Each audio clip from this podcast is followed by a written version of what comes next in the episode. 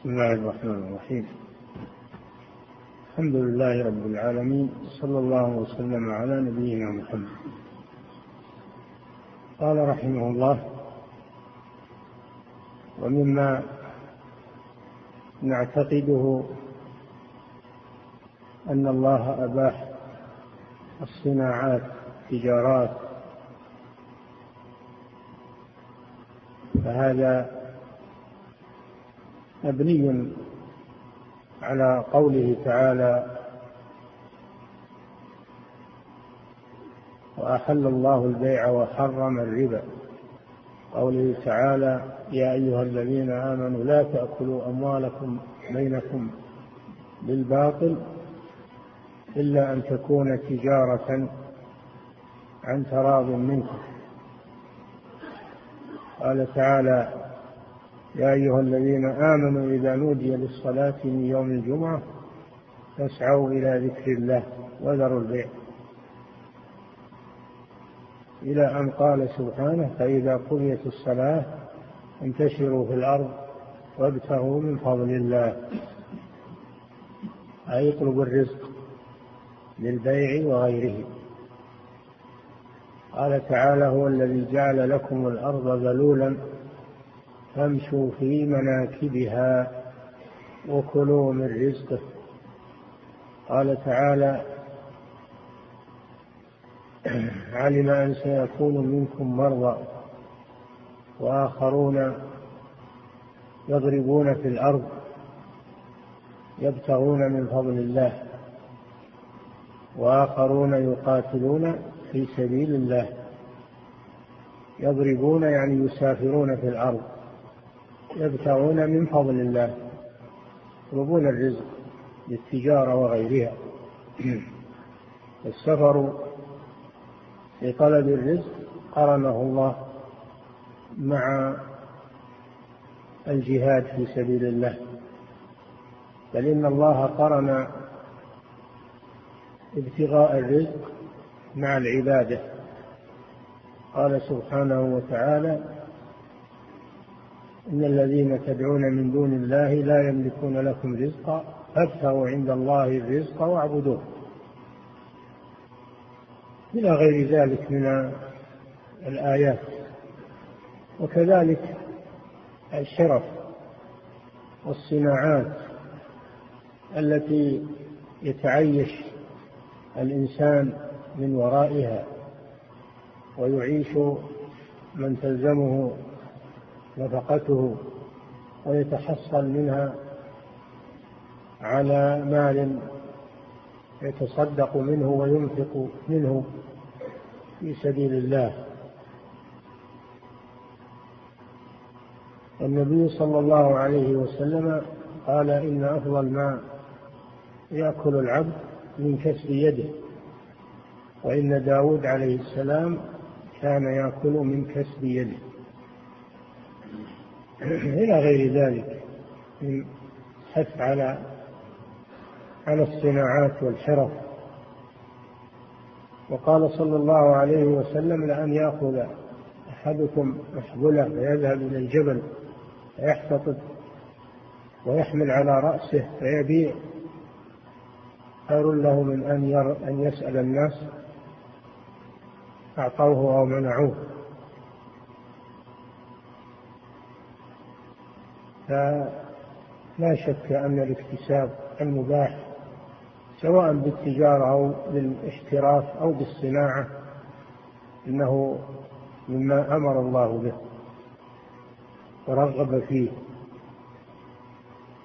ولأن هذا فيه عمارة الكون ومصالح البشر. والنبي صلى الله عليه وسلم لما رأى رجلا منقطعا في المسجد قال من ينفق على هذا؟ قالوا أخ... قالوا أخوه. قال أخوه خير منه. أو كما قال صلى الله عليه وسلم. طلب الرزق خير من الانقطاع للعبادة ويكون الإنسان عالة على الناس ينظر إلى أيديهم.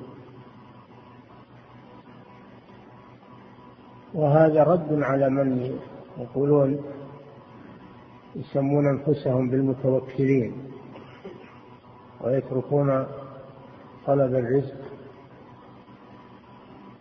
ولهذا قال عمر رضي الله عنه إن السماء لا تمطر ذهبا ولا فضة. وأنكر على من يتركون طلب الرزق انقطاعا للعبادة. أو توكلا على الله بزعمهم. التوكل على الله لا بد منه لكن مع مع فعل الأسباب. هذا مذهب أهل السنة والجماعة أنهم يجمعون بين التوكل وفعل الأسباب النافعة. أما من توكل على الله بزعمه وعطل الكسب وطلب الرزق فهذا عجز وهذا منهي عنه. كذلك العكس من اعتمد على الأسباب وترك التوكل على الله فهذا شرك. فلا بد من الجمع بين الأسباب النافعة مع التوكل على الله سبحانه وتعالى. هذا هو الحق وهو مذهب أهل السنة والجماعة وهو الذي تدل عليه الأدلة من الكتاب والسنة. نعم. فالمتزهدون والمتعبدون الذين يزعمون أنهم يتفرغون للعبادة طلب ويتركون طلب الرزق هؤلاء رابطون وطلب الرزق الحلال من العبادة. طلب الرزق الحلال من العبادة. تاب عليه الإنسان. نعم.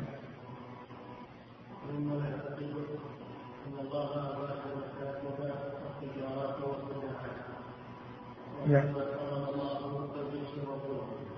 وإنما حرم الله الغش في المعاملات. لأن بأن يغش الناس في بيعه وشرائه أو في صناعته. لا يتقن الصناعة أو المقاولة. فهذا هو الغش المحرم قال صلى الله عليه وسلم من غشنا فليس منا. جاء صلى الله عليه وسلم على بائع طعام فأدخل صلى الله عليه وسلم أصابعه في الطعام فأدركت بللا في أسفل الطعام. فقال ما هذا يا صاحب الطعام؟ قال أصابته السماء يا رسول الله المطر قال هلا جعلته ظاهرا حتى يراه الناس من غشنا فليس منا؟ وفي رواية من غش فليس منا. هذا هو الذي حرمه الله عز وجل. وكذلك الخديعة. خديعة الناس في المعاملات وفي هذا حرام. كذلك الظلم في أموال الناس بغير حق بالقهر والغلبة السرقة بالنهب بالسلب التسلط بالغصب هذا كله حرمه الله سبحانه وتعالى. الرزق يطلب من وجوه المباحة ولا يطلب من وجوه من الوجوه المحرمة. نعم. وإنما حرم الله وأنه قال بتحريم المساجد رمضان وموجود مبتدئ أي نعم مثل المتصوفة والمتعبدة. الذين يقولون بتحريم المكاسب وطلب الرزق لأن هذا يشغل يشغل عن العبادة. يقال لهم هذا من العبادة. طلب الرزق من العبادة. فهو داخل فيها.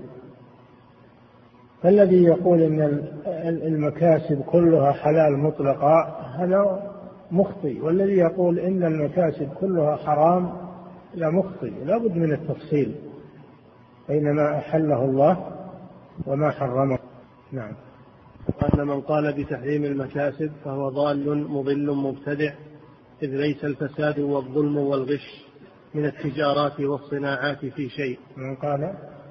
وأن من قال بتحريم المكاسب فهو ضال مضل مبتدع. يعني من قال بتحريم المكاسب كلها. يقولون الحلال محل باليد ولا يبالون. هذا مبتدع ضال بل إن الله حل المكاسب بالطرق الشرعية التي ليس فيها ظلم ليس فيها غش ولا خديعة ولا غرر ولا جهالة. نعم. إذ ليس الفساد والظلم والغش من التجارات والصناعات في شيء. وكذلك الذي إي نعم فهذا أدخل اللي يقول إن ان الله أباح المكاسب مطلقة هذا أدخل فيها الظلم وأدخل فيها الغش وأدخل فيها الخيانة. فهذا إطلاق لا يجوز لابد من التفصيل. نعم.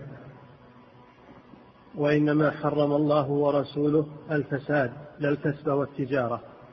وإنما حرم الله كذلك الذي يقول إن طلب الرزق وطلب الكسب حرام انه يشغل عن العبادة هذا هذا غلط خطأ ضلال لأن الله لم يحرم طلب الرزق من الوجوه الشرعية وإنما حرم الظلم والغش والحصول على المال بطرق محرمة. كبيع المواد المحرمة بيع المخدرات بيع القات بيع الدخان بيع الصور. المواد المحرمة إن الله إذا حرم شيئا حرم ثمنه بيع الخمر بيع الميتة الميتات.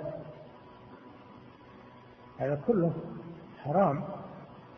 ولا يقال هذا بيع. وأحل الله البيع. أحل الله البيع. في الأشياء المباحة الأشياء المحرمة فلا يجوز بيعها. النبي صلى الله عليه وسلم لما سئل عن شحوم الميتة تذاب ويستصبح بها الناس وتطلى بها السفن هل يجوز بيعها؟ قال لا هو حرام. وقال صلى الله عليه وسلم إن الله إذا حرم شيئا حرم ثمنه. الذين يبيعون الأشياء المحرمة يقولون هذا يدخل في قوله وأحل الله البيع. يكذبون على الله سبحانه وتعالى. الله لم يحل هذا البيع. ولهذا قال وحرم الربا. الربا نوع من البيع. الربا نوع من البيع. مع هذا حرمه الله لما فيه من أكل المال بالباطل. نعم. وإنما حرم الله ورسوله الفساد لا الكسب والتجارة. يعني المعاملات الفاسدة. نعم. فإن ذلك لا الكسب والتجارة فإن ذلك على أصل الكتاب والسنة جائز إلى يوم القيامة. نعم. أما الكسب المنضبط بالضوابط الشرعية في الكتاب والسنة فهذا جائز إلى يوم القيامة. ولهذا قال العلماء من حرم حلالا مجمعا على حله فهو مرتد من نواقض الإسلام أن الإنسان يحرم حلالا مجمعا على حله أو أحل حراما مجمعا على تحريمه. هذا من نواقض الإسلام. لا بد أن يكون التحليل والتحريم موافقا لكتاب الله سنة رسول الله الله جل وعلا يقول ولا تقولوا لما تصف ألسنتكم الكذب هذا حلال وهذا حرام لتفتروا على الله الكذب. إن الذين يفترون على الله الكذب لا يفلحون متاع قليل ولهم عذاب أليم. لا يجوز للإنسان أن يقول هذا حلال من غير دليل أو يقول هذا حرام من غير دليل. لا بد من دليل من الكتاب والسنة. نعم. وأن مما نعتقده أن الله لا يأمر بأكل الحلال ثم يعدمهم الوصول وأن مما نعتقده أن الله لا يأمر بأكل الحلال ثم يعدمهم الوصول إليه من جميع الجهات. لأن الذي يقول الذي يقول إن الناس إن الناس كلهم يتعاطون الحرام ولا فيه معاملات مباحة. الناس كلهم يبيعون بالحرام ويكتسبون الحرام. هذا كذاب وضال الله جل وعلا أمرنا بطلب الرزق وبطلب الحلال. فلو كان ينعدم ولا يوجد يكون أمر الله به من باب العبث. تعالى الله عن ذلك. فدل على أن الحلال باقي وأن الكسب الأمر بالاكتساب أنه باقي إلى أن تقوم الساعة. نعم. وأن مما نعتقده أن الله لا يأمر بأكل الحلال ثم يعدمهم الوصول إليه من جميع الجهات. أي نعم. ما يأمر بأكل الحلال ثم يعدم الحلال ولا يوجد شيء حلال كما يقوله أهل الضلال. نعم. لأن ما طالبهم به موجود إلى يوم القيامة. إي نعم. كل ما أمر الله به من طلب الحلال فإنه موجود إلى يوم القيامة لأن الأمر عام للمسلمين إلى أن تقوم الساعة والنهي عام للمسلمين إلى أن تقوم الساعة. لا يأتي وقت ينتهي الأمر والنهي كما يقوله أهل الضلال. نعم. والمعتقد أن الأرض تخلو من الحلال وأن الناس يتقلبون في الحرام فهو مبتدع ضال. إيه نعم.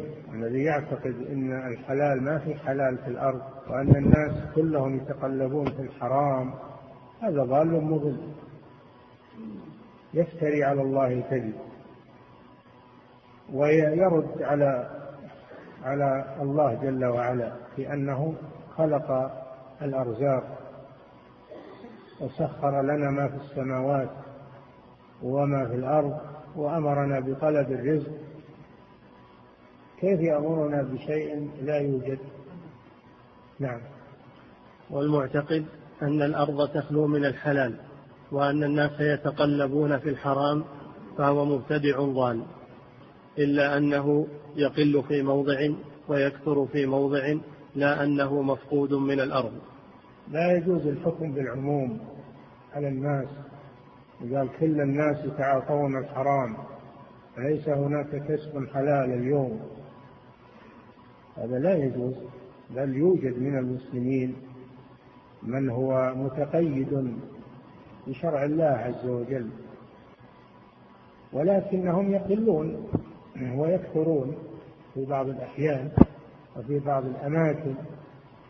أما أنهم ينقطعون نهائيا فهذا باطل. نعم. أن إذا رأينا من ظاهره جميل لا نتهمه في مكسبه وماله وطعامه. جائز أن يؤكل طعامه والمعاملة في تجارته. وليس على الكشف عن ماله. نعم. هذا في مسألة من آه نتعامل معهم من الناس نبني على الظاهر. إذا رأينا من معاملته طيبة وتصرفاته طيبة فإننا نتعامل معه ولا نفتش عن الباطن. نقول هذا ما ندري عنه لازم ندري عن بواطنه. ما كلفنا الله بذلك. إننا نبني على الظواهر. ما لم نعلم خلافها. ما دام لا نعلم خلافها فإننا نبني على الظواهر ونتعامل مع الناس حسب ما يظهر لنا. أو كل ما تشري سلعة تقول بشوف منين هي جاية وش أصلها وش. أخاف أنه سارقة أخاف أنه ما حاصل عليها بطريق محرم. ما كلفك الله بهذا. إلا إذا علمت إذا علمت أن هذه السلعة حرام أو أنها جاءت من طريق محرم فلا يجوز لك أنك تشتريها أو تقبلها. أما ما لم تعلم فالأصل الأصل الشيء والقاعدة أن الأصل في المعاملات الإباحة. إلا ما دل الدليل على تحريمه. عكس العبادات العبادات الأصل فيها التحريم. إلا ما دل الدليل على شرعيته. أما المعاملات فالأصل فيها الإباحة إلا ما دل الدليل على تحريمه. وهذا من توسيع الله على عباده وعدم إشراجهم. فنحن ناخذ ناخذ الناس بالظاهر الذي يظهر لنا. النبي صلى الله عليه وسلم تعامل مع اليهود وشرى منهم.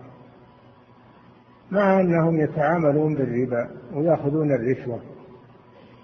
لكن ما لم تعلم أن هذا المال حرام فتعامل معهم. تعامل معهم. لأنه قل من يسلم من الناس من خطأ أو من فما لم تعلم أن هذا الشيء المعين حرام. فإنك تبني على أصل الإباحة. فمن كان ماله مختلطا من حلال وحرام كاليهود فإنك تتعامل معهم إلا إذا علمت أن هذا المال من الحرام. نعم. وما إذا رأينا الله لا بمسجده وماله وطعامه كذلك يؤكل طعامه. ولا تقول أخاف أخاف أن هذا من الحرام.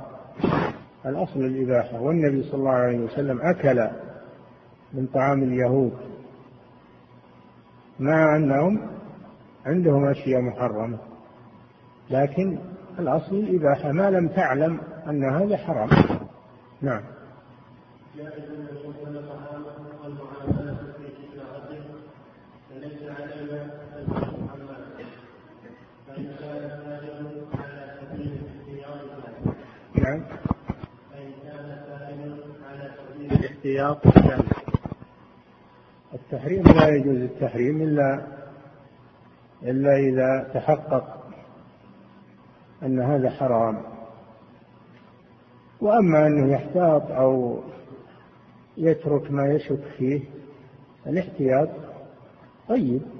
قال صلى الله عليه وسلم إن الحلال بين وإن الحرام بين وبينهما أمور مشتبهات. لا يعلمهن كثير من الناس ومن اتقى الشبهات قد استبرأ لدينه وعرضه وقال دع ما يريبك إلى ما لا يريبك هذا من باب الاحتياط هو الورع لا من باب التحريم. نعم. نعم.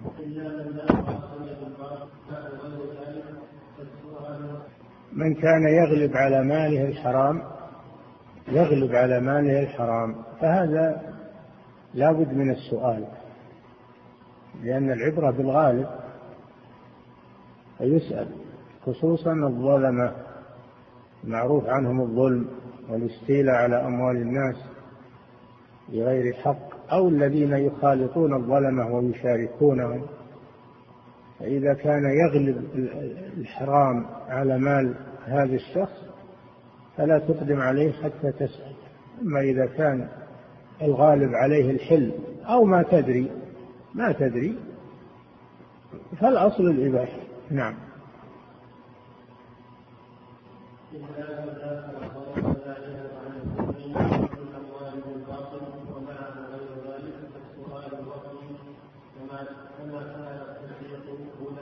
أبو بكر الصديق رضي الله عنه لما جاءه غلامه لطعام يعني عتيق عتيق الصديق أو مملوك للصديق وخارجه بأن يأتي له بشيء معين من الكسب وبقيته له بقية كسبه له هذه تسمى المخارجة هذه جائزة. أبو بكر الصديق جاءه غلامه بطعام فسأله من أين هذا الطعام.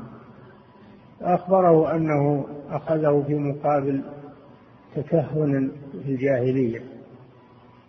فعند ذلك الصديق ترك هذا الطعام وابتعد عنه. نعم. فهذا من باب الاحتياط والورع. نعم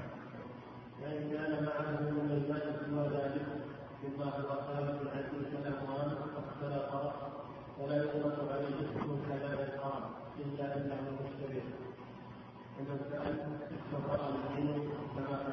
نعم. وأجاز ابن مسعود وسلمان رضي الله عنهما قال كل منه وعليه التبعة تبعة. وعليه التبعة يعني إذن على الله. تبني على الله. وتأكل منه. ما لم تعلم أنه حرام. بناء على الأصل. نعم. والدين الحنيفية السمحة. الناس طبقات منهم منهم أهل التحوط والورع ومنهم المتوسط ومنهم المتساهل. الناس ليسوا على حد سواء. نعم.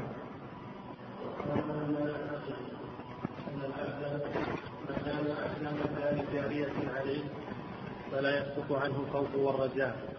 وكل من ادعى الأمن فهو جاهل بالله وبما أخبر به عن نفسه فلا يأمن مكر الله إلا القوم الخاسرون. هذا رد على الصوفية الذين يقولون إن المتعبد إذا بلغ درجة من العبادة فإنه تسقط عنه التكاليف والحلال والحرام لأنه وصل إلى الله. فهذا باطل وكفر بالله عز وجل. لأن أحدا من الناس لا تسقط عنه الأوامر والنواهي والواجبات وترك المحرمات ما بقي على قيد الحياة إلى أن يحضره الأجل. هذا ما عليه الكتاب والسنة والمسلمون. أما الصوفية الضلال فإنهم يقولون أنه يمكن أن الإنسان يصل إلى درجة من العبادة والقرب من الله عز وجل حتى تسقط عنه الأوامر والنواهي ويخرج عن العبودية. هذا ضلال وكفر بالله عز وجل. الله جل وعلا قال لنبيه عليه الصلاة والسلام وهو أقرب الناس إلى الله وأتقاهم لله. قال الله له واعبد ربك حتى يأتيك اليقين. يعني واصل العبادة إلى أن يأتيك الموت. اليقين هو الموت. غير النبي صلى الله عليه وسلم من باب أولى. فالتكاليف والأوامر والنواهي مستمرة مع العباد ما داموا على قيد الحياة ولا يعفى أحد منها إلا من زال عقله من زال عقله بالجنون أو بالعتة أصبح غير عاقل هذا يزول عنه التكليف. وكذلك المكره المكره يجوز له أن يدفع الإكراه عنه ولو كان هذا الشيء منهيا عنه دفع الإكراه. نعم. وأن مما نعتقده أن العبد ما دام أحكام الدار جارية عليه فلا يسقط عنه الخوف والرجاء. الخوف ولا الرجاء بل يبقى يخاف من الله ويتجنب المحرمات ويرجو الله ويكثر من الطاعات. لا يغلب جانب الخوف ويكون من الذين قنطوا من رحمة الله. ولا يغلب جانب الرجاء فيكون من الذين آمنوا مكر الله. بل يكون بين الخوف والرجاء. إنهم كانوا يسارعون في الخيرات ويدعوننا رغبا ورهبا. رغبا يعني رجاء ورهبا يعني خوفا فالأنبياء جمعوا بين العبادة وبين الخوف والرجاء. هذا طريق الحق طريق العبادة. نعم. وكل من ادعى الأمن فهو جاهل بالله. من ادعى الأمن من مكر الله. وقال الله غفور رحيم. والدين يسر. وما وما علينا في الدين من حرج. نسوي اللي نبي. والله غفور رحيم. هذا غرور بالله عز وجل. الله توعد العصاة والمذنبين. يشد الوعيد. مع أنه غفور رحيم سبحانه وتعالى. نعم. فالله جل وعلا قال غافر الذنب وقابل التوب شديد العقاب. وإن ربك لذو مغفرة للناس على ظلمهم وإن ربك لشديد العقاب. فلا تنسى أنه شديد العقاب.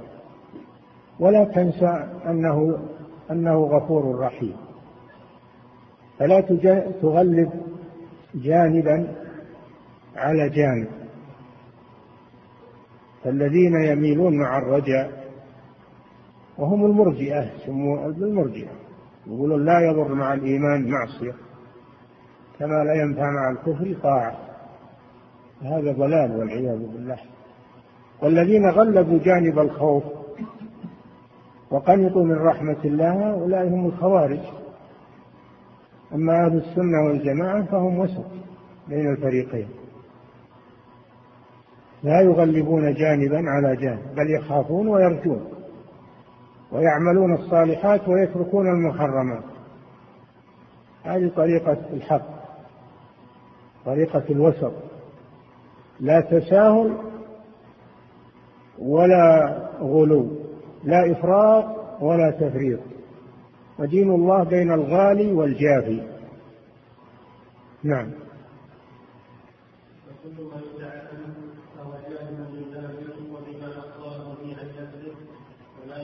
كل من كل من غلب جانب الأمن والرجاء على جانب الخوف فإنه ضال مضل. قال تعالى أفأمنوا مكر الله؟ فلا يأمن مكر الله إلا القوم الخاسرون. لا يأمن الإنسان من عذاب الله يعتمد على الرجاء. هذا رجاء مذموم. والرجاء المحمود هو الذي معه عمل. إذا رجوت الله فاعمل صالحا وأكثر من الحسنات. وإذا خفت من الله فتجنب المحرمات. هذا طريق الحق. وشاعرهم يقول شاعر المرجئة وشاعر المتساهلين يقول فأكثرا ما شئت من الخطايا إذا كان القدوم على رحيم. هذا غرور والعياذ بالله. أكثرا ما شئت من الخطايا إذا كان القدوم على رحيم. الله جل وعلا رحيم نعم وغفور لكن لمن تاب. وإني لغفار لمن تاب وآمن. وعمل صالحا ثم اهتدى. فأتي بأسباب المغفرة وأتي بأسباب الرحمة. إذا رجوت الله فأتي بأسباب المغفرة وأسباب الرحمة. أما أنك تعتمد على الرجاء وتعطل الأسباب هذا غرور بالله عز وجل. نعم. وهذه الظاهرة الآن كثرت عند الصحفيين وعند ال... وعند المتساهلين وعند المستهترين. كيف الآن هذه الظاهرة؟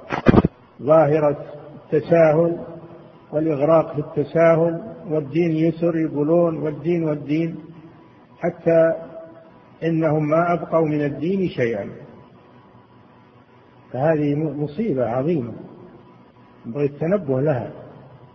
كما أن الجانب الثاني وهم أهل آه الخوف الشديد الذين يئسوا من رحمة الله قنطوا ويئسوا آه من رحمة الله.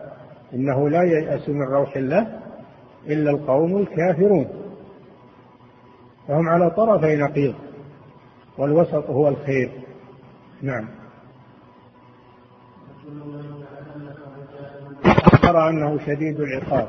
وأنه عزيز ذو انتقام وأنه يملي للظالم حتى إذا أخذه لم يفلته. لا تحسبن الله غافلا عما يعمل الظالمون. إنما يؤخرهم ليوم تشخص فيه الأبصار. فلا يغتر الإنسان بإمهال الله واستدراجه. ويقول هذا دليل على أن الله غفور رحيم. وينسى أن الله شديد العقاب وأنه خلق النار. خلق النار للكفار والمنافقين والعصاة. نعم.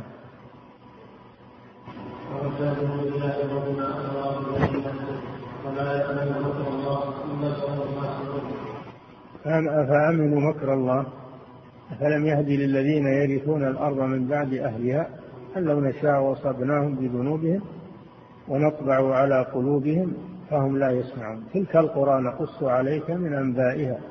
لقد جاءتهم رسلهم بالبينات وما كانوا ليؤمنوا بما كذبوا من قبل. كذلك يطبع الله على قلوب الكافرين وما وجدنا لأكثرهم من عهد. وإن وجدنا أكثرهم لفاسقين. قبلها يقول أولم يهدي للذين يرثون الأرض من بعد أهلها أن لو نشاء أصبناهم بذنوبهم ونطبع على قلوبهم فهم لا يسمعون. نعم نعم. أراد ابن خفيف أن يكشف عوار كل من قال في هذه المقالات خاطئة من أجل أن يتجنبها المسلم. نعم. ونعتقد أن العبودية لا تسقط عن العبد. ما عقل وعلم ما له ما عقل وعلم ما له وما عليه. نعم. وهذا أيضا وهذا أيضا رد على الصوفية الذين يقولون إن العبودية تسقط عن العبد.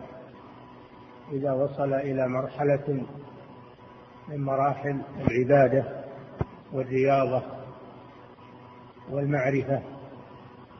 فإنه حينئذ ما يحتاج إلى الأوامر والنواهي لأنه وصل إلى الله. فلا يحرم عليه شيء ولا ولا يمنع من شيء. كل شيء أراده فهو حلال له لأنه وصل إلى الله. ويروى عن عبد القادر الجيلاني رحمه الله الإمام الجليل الذي تنتسب إليه القادرية الآن ظلما وعدوانا وهو إمام جليل وعالم وفقيه. يروى عنه أنه ما بينما كان يمشي إذ رأى ظلة فوقه فرفع رأسه فإذا عرش فوقه الشيطان. فقال له يا عبد القادر أنا ربك وقد أبحت لك ما حرمت عليك. فقال له كذبت أنت شيطان فإنه بعد موت محمد صلى الله عليه وسلم لا ينزل تحليل ولا تحريم. ما غره هذا الخبيث بل إنه بفقهه ومعرفته رد عليه وقال إنه بعد وفاة الرسول صلى الله عليه وسلم انتهى التشريع. فلا ينزل حلال ولا حرام. هذا هو الفقه. ما اغتر بحالته وعبادته. نعم. ولا خدعه هذا الشيطان وظن أنه الله وأنه ربه. هذا هو الإيمان وهذا هو الفقه. نعم.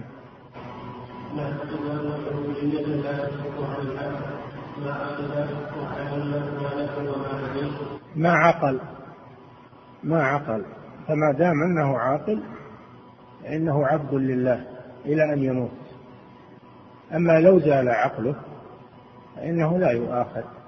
ترفع عنه التكاليف. وكذلك لو كان جاهلا فالجاهل لا يؤاخذ حتى يتبين له الحق وقد يقع الإنسان في الشيء عن جهل فلا يؤاخذ عليه ما دام جاهلا نعم له وما عليه مميز على احكام القوة والاستطاعة. اي نعم.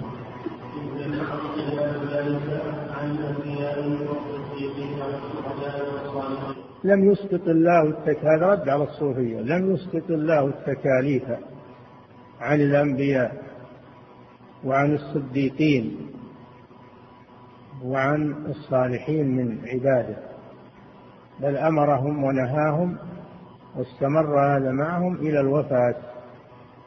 قال صلى الله عليه وسلم إذا مات ابن آدم انقطع عمله.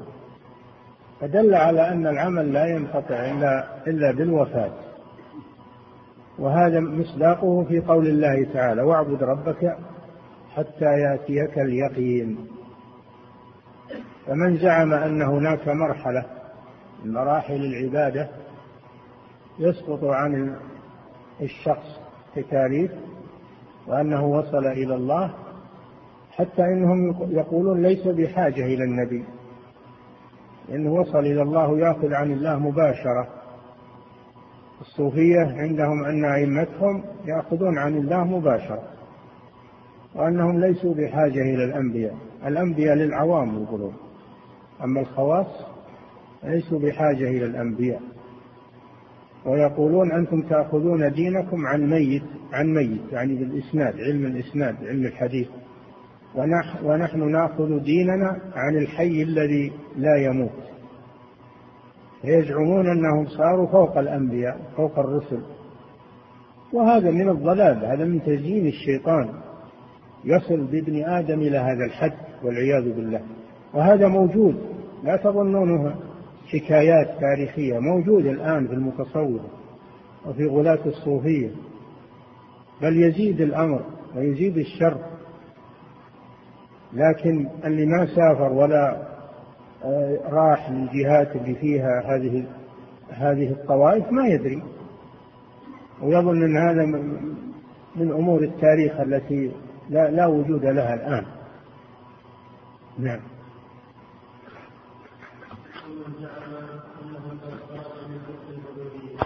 إلى فضاء الحرية بإسقاط العبودية إلى ومن زعم أنه قد خرج من رق العبودية إلى فضاء الحرية.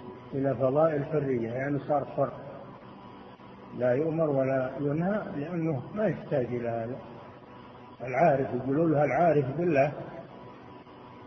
أما الأوامر والنواهي فهي للإنسان العامي اللي ما وصل. ولهذا يصنفون جماعتهم بالخاصة وخاصة الخاصة. الخاصة فوق العوام وخاصة الخاصة فوق الخاصة وهم الذين وصلوا إلى الله كما يقولون. وهم في الحقيقة وصلوا إلى الشيطان ما وصلوا إلى الله جل وعلا. ما يصل إلى إلى الله إلا المتقون المؤمنون.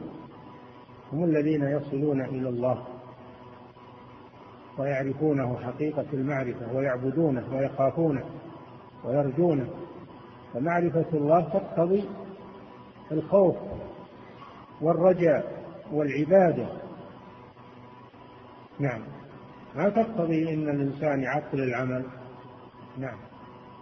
هذا جهل بالله عز وجل. نعم.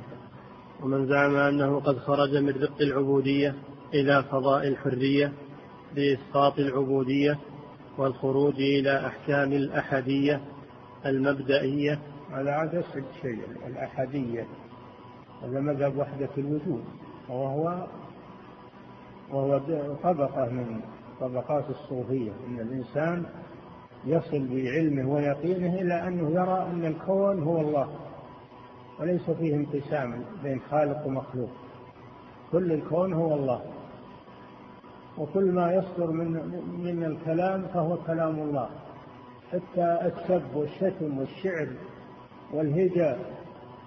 كل كلام في الوجود كلامه يقولون. سواء علينا نثره ونظامه. بلغ بهم الحد إلى هذا. كابن عربي والحلاج والتلمساني وغيره. ابن سبعين. وصلوا إلى حد أن قالوا بوحدة الوجود. والتوحيد هو أنك ما ترى خالق ومخلوق التوحيد هو أن ترى الكون كله هو الله. أما إذا قلت إن الكون فيه خالق ومخلوق فهذا الشرك عندهم. يسمون هذا الشرك. يعني شو هو الضلال؟ كيف ينتهي بالإنسان؟ والعياذ بالله. نعم. بإسقاط العبودية والخروج إلى أحكام الأحدية. يعني وحدة الوجود. المبدئية. نعم. بعلائق الآخرية. نعم. فهو كافر لا محالة. كافر. من قال وصل إلى هذا الإلحاد فهو كافر خارج من الملة. نعم. فهو كافر لا محالة إلا من اعتراه علة. أو إلا من اعتراه علة. مثل ما سبق أنه زال عقله مجنون. معتوه. وليس عليه تكليف. نعم. أما العاقل لا. نعم. إلا من اعتراه علة أو رأفة فصار معتوها أو مجنونا أو مبين المعتوه هو الذي ليس له عقل أصلا. ما خلق له عقل. هذا معتوه. المجنون هو الذي كان له عقل لكن أصابه الجنون. أصابه الجنون فتخبل والعياذ بالله. نعم. فصار معتوها أو مجنونا أو مبرسما. أو مبرسما. قد لا يكون مجنون ولا معتوه لكن أصابه آفة في دماغه. وهو البرسام داء البرسام وهو داء يصيب الدماغ فيصبح الإنسان ما يدري ولا يعرف شيء. هذا تزال تزول عنه التكاليف لأن ما عنده إدراك. نعم. أو مجنونا أو مبرسما قد اختلط في عقله أو لحقه غشية ارتفع عنه بها أحكام العقل وذهب عنه التمييز والمعرفة. فذلك خارج عن الملة مفارق للشريعة. وذلك مما لا يؤاخذ المغشي عليه أصابه غشية صار ما يدرك ما حوله أو نام النوم أيضا. قال صلى الله عليه وسلم رفع القلم عن ثلاثة الصغير حتى يحتلم والمجنون حتى يفيق والنائم حتى يستيقظ. نعم. ومن زعم الإشراف على الخلق. حتى يعلم مقاماتهم ومقادرهم ومقدارهم عند الله بغير الوحي المنزل بغير الوحي المنزل من قول الرسول صلى الله عليه وسلم فهو خارج عن الملة. هذا سبق وتكرر إنك ما تحكم على الخلق. ما تحكم على الخلق. وتقول فلان صالح ومستقيم وهو من أهل الجنة. ولا تقول فلان فاسد وكافر وهو من أهل النار. ما تحكم بالجزم وإنما ترجو للمحسن وتخاف على المسيء إلا من شهد له رسول الله صلى الله عليه وسلم بأنه من أهل الجنة أو أنه من أهل النار. فأنت تشهد لمن شهد له رسول الله صلى الله عليه وسلم. نعم. ومن زعم الإشراف على الخلق حتى يعلم مقاماتهم ومقدارهم عند الله. بغير الوحي المنزل من قول الرسول. بغير الوحي المنزل يعني من شهد له الرسول صلى الله عليه وسلم. لأن الرسول صلى الله عليه وسلم لا ينطق عن الهوى. إن هو إلا وحي يوحى. نعم. بغير الوحي المنزل من قول الرسول صلى الله عليه وسلم فهو خارج عن الملة. ومن ادعى لكن هذا لا يمنع إن, من صدر منه الكفر قولا أو فعلا وهو مختار أننا نحكم عليه بالكفر بموجب نحكم عليه بالكفر في الظاهر بموجب ما صدر منه ونعامله معاملة الكفار حتى يتوب إلى الله عز وجل. لكن لا نجزم أنه من أهل النار قد يكون تاب قبل أن يموت أو أن الله ختم له بالتوبة. فالجزم هو الممنوع أما الحكم بالظاهر فهذا مطلوب. نعم. ومن ادعى أنه يعرف ما قال رسول الله صلى الله عليه وسلم فقد باء بغضب من الله. اللي يقول أنا ما بحاجة إلى أني إني آخذ بالأحاديث. أنا أعرف عن الله مباشرة. أعرف عن الله مباشرة. لست بحاجة إلى أقوال الرسول صلى الله عليه وسلم لأنني آخذ من الذي أخذ منه الرسول. آخذ عن الله مباشرة. هذا أيضا عند الصوفية نعم. ومن ادعى أنه يعرف ما قال رسول الله صلى الله عليه وسلم فقد باء بغضب من الله. ومن ادعى ما ما حاجة أن يتعلم ما قاله الرسول أنا أعرفه. كما أن الرسول يعرفه وأنا أعرفه لأني وصلت إلى الله وآخذ بما أخذ منه الرسول. نعم. ومن ادعى أنه يعرف مآل الخلق ومنقلبهم وأنهم على ماذا يموتون ويختم لهم بغير الوحي من قول الله. هذا ادعاء علم الغيب اللي يعرف ما يؤول إليه الخلق من من المستقبل مستقبل الغيوب. أنت يبي يصير لك سعادة يبي يصير لك شقاوة. أنت تبي تحصل على مال. أنت تبي تخسر. أن تموت على الإيمان أن تموت على الكفر أنت من أهل الجنة أنت من أهل النار. هذا كاذب على الله عز وجل. هذا مدع في علم الغيب الذي لا يعلمه إلا الله سبحانه وتعالى. نعم. وأنهم على ماذا يموتون ويختم لهم بغير الوحي من قول الله وقول رسوله صلى الله عليه وسلم فقد باء بغضب من الله. نعم. نحن لا نقول في الغيب إلا ما أخبرنا عنه رسول الله صلى الله عليه وسلم. وأما أننا ندعي أننا نعرف الغيب وأحوال الناس وما يؤول إليه أمرهم فهذا من ادعى علم الغيب فهو كافر هذا من نواقض الإسلام. من نواقض الإسلام من ادعى علم الغيب لأن الغيب لله عز وجل. قل إنما الغيب لله. قل لا يعلم من في السماوات والأرض الغيب إلا الله.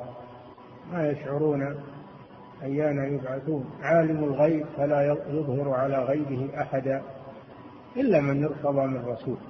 الله جل وعلا قد يطلع الرسول من رسله على شيء من الغيب لأجل مصلحة العباد ومعجزة له يدل على صدق نبوته. ولا يطلع الله الرسل على كل الغيب وإنما يطلعهم على شيء من الغيب بحسب ما تقتضيه الحكمة الإلهية والمصلحة. أما من يدعي أنه يعلم الغيب من غير طريق ما أخبر الله به أو رسوله فإنه كافر. لأن من ادعى علم الغيب فهو كافر. منهم الكهان والمنجمون و... نعم. والفراسة حق. هذا استثناء. الفراسة اللي يخبر الناس عن الأمور الغيب هذا كفر. لكن هناك شيء ما هو من باب ادعاء علم الغيب. قد يخبر الإنسان عن أشياء توقعية ما هي الجزم فراسة. والفراسة هي التفرس في الناس. وهذا قد يعطى بعض الناس الفراسة. يتفرس في الإنسان وهذا من باب من باب الظن لا من باب الجزم. ويدل على هذا قوله تعالى إن في ذلك لآيات للمتوسمين. قالوا هذه في الفراسة الصحيحة. وفي الأثر إن المؤمن ينظر اتقوا فراسة المؤمن فإن المؤمن ينظر بنور الله. فقد يعطى بعض الناس شيئا من الفراسة فيتفرس في الإنسان يتوسم فيه ويحصل مثل ما تفرس ومثل ما توقع بناء على علامات وظواهر يراها في الإنسان. فهذا ليس من ادعاء علم الغيب هذا فراسة نعم. والفراسة حق على أصول ذكرناها وليس, وليس ذلك مما سميناه في شيء.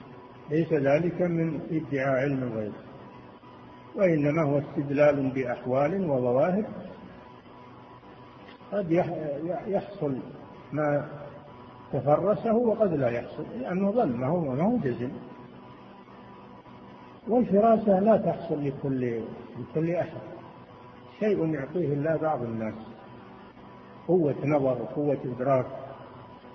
تأمل في الأشياء. نعم. ومن زعم أن صفاته قائمة بصفاته ويشير في ذلك إلى غير الأيدي والعصمة والتوفيق والهداية. من زعم أنه متصف بصفات الله هذا والعياذ بالله شرك يدعي مشاركة الله في صفاته. غير الأيد يعني التأييد من الله الله يؤيد. يؤيد من شاء. وقال في داود واذكر عبدنا داود ذا الأيد يعني ذا القوة. الأيد معناها القوة كما قال جل وعلا وأيدهم بروح منه. هذا هو هذا هو التأييد. فالله جل وعلا يمنح بعض بعض عباده التأييد منه سبحانه وتعالى. نعم. ومن زعم أن صفاته قائمة بصفاته ويشير في ذلك إلى غير الأيدي والعصمة والتوفيق والهداية. إلى غير الأيد يعني القوة التي يمنحها الله عز وجل وأيدهم بروح منه أي قواهم. والعصمة إن الله يعصم أنبياءه يعصم أنبياءه من الخطأ أو من الاستمرار على الخطأ إذا وقع منهم شيء من الخطأ فإن الله يعصمهم من الاستمرار على ذلك ويبين لهم الصواب. فالنبي معصوم إما في البداية وإما في النهاية. فالرسل معصومون عليهم الصلاة والسلام. معصومون إما في البداية وإما في النهاية فالله لا يقرهم على خطأ أبدا. ما من نبي حصل منه شيء من الخطأ إلا ونبهه الله عليه وتاب النبي من ذلك. كما هو مذكور في القرآن. فهم معصومون عليهم الصلاة والسلام. وقد يعصم الله بعض المؤمنين ويؤيده ويحميه بعصمته سبحانه وتعالى. نعم. ويشير في ذلك إلى غير الأيدي والعصمة والتوفيق والهداية. والتوفيق قد يوفق الله بعض الناس إلى الصواب وإلى الخير. وليس هذا لأنه متصف بصفات الله وإنما لأن الله وفقه. وفقه ودله على الخير. نعم. والتوفيق والهداية وأشار إلى صفاته عز وجل القديمة فهو حلولي قائل باللاهوتية.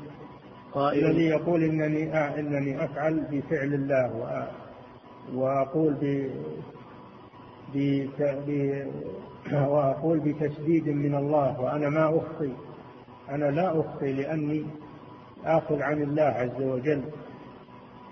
فهذا كافر هذا كافر لأنه قال على الله بغير علم.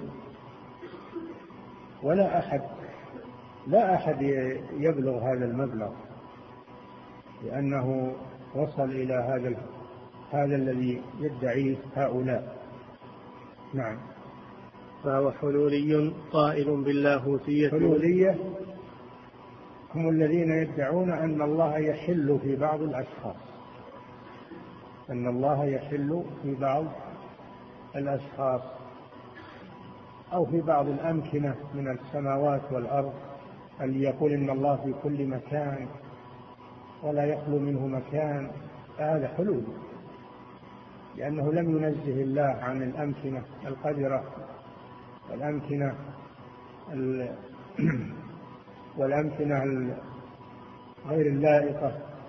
الله جل وعلا فوق سماواته مستو على عرشه. وعلمه في كل مكان جل وعلا. وليس معنى أنه في السماوات والأرض أنه في كل مكان في ذاته وإنما معناه أنه بعلمه جل وعلا. إن الله لا يخفى عليه شيء في الأرض ولا في السماء فالله بذاته فوق السماوات وعلمه في كل مكان ولا يخلو منه مكان من علمه جل وعلا. لا من ذاته. الله ليس في ذاته شيء من مخلوقاته ولا في مخلوقاته شيء من ذاته. وهذه هي الكلمة التي تكررت عليكم أن السلف يقولون بائن من خلقه. بائن من خلقه. هذا معنى العبارة. الذي يزعم أن أن الله يحل في بعض الأشخاص. و ويظهر نوره عليه يسمون البهائية. يسمونهم البهائية. يزعمون أن الله يحل فيهم وأنه يظهر أثر ذلك عليهم. يسمون البهائية والحلولية أيضا. هذا كفر بالله عز وجل. الله جل وعلا كما أخبر وكما تواترت الأدلة أنه في العلو وأنه فوق سماواته وأنه مستو على عرشه بائن من خلقه سبحانه وتعالى. وهذا نظير حلولية النصارى المسطورية فرقة من النصارى يقولون إن الله حال في المسيح ابن مريم. فالمسيح يقولون مكون من شيئين من الناسوت واللاهوت. بمعنى أن الله حال في المسيح. تعالى الله عما يقولون. الذين يقولون بحلول الله في مخلوقاته هم مثل النصارى النسطورية نعم.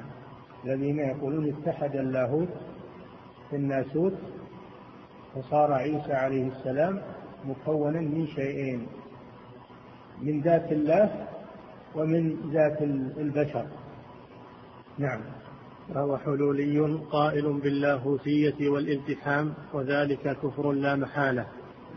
لا محالة لا شك في كفر هذا. نعم.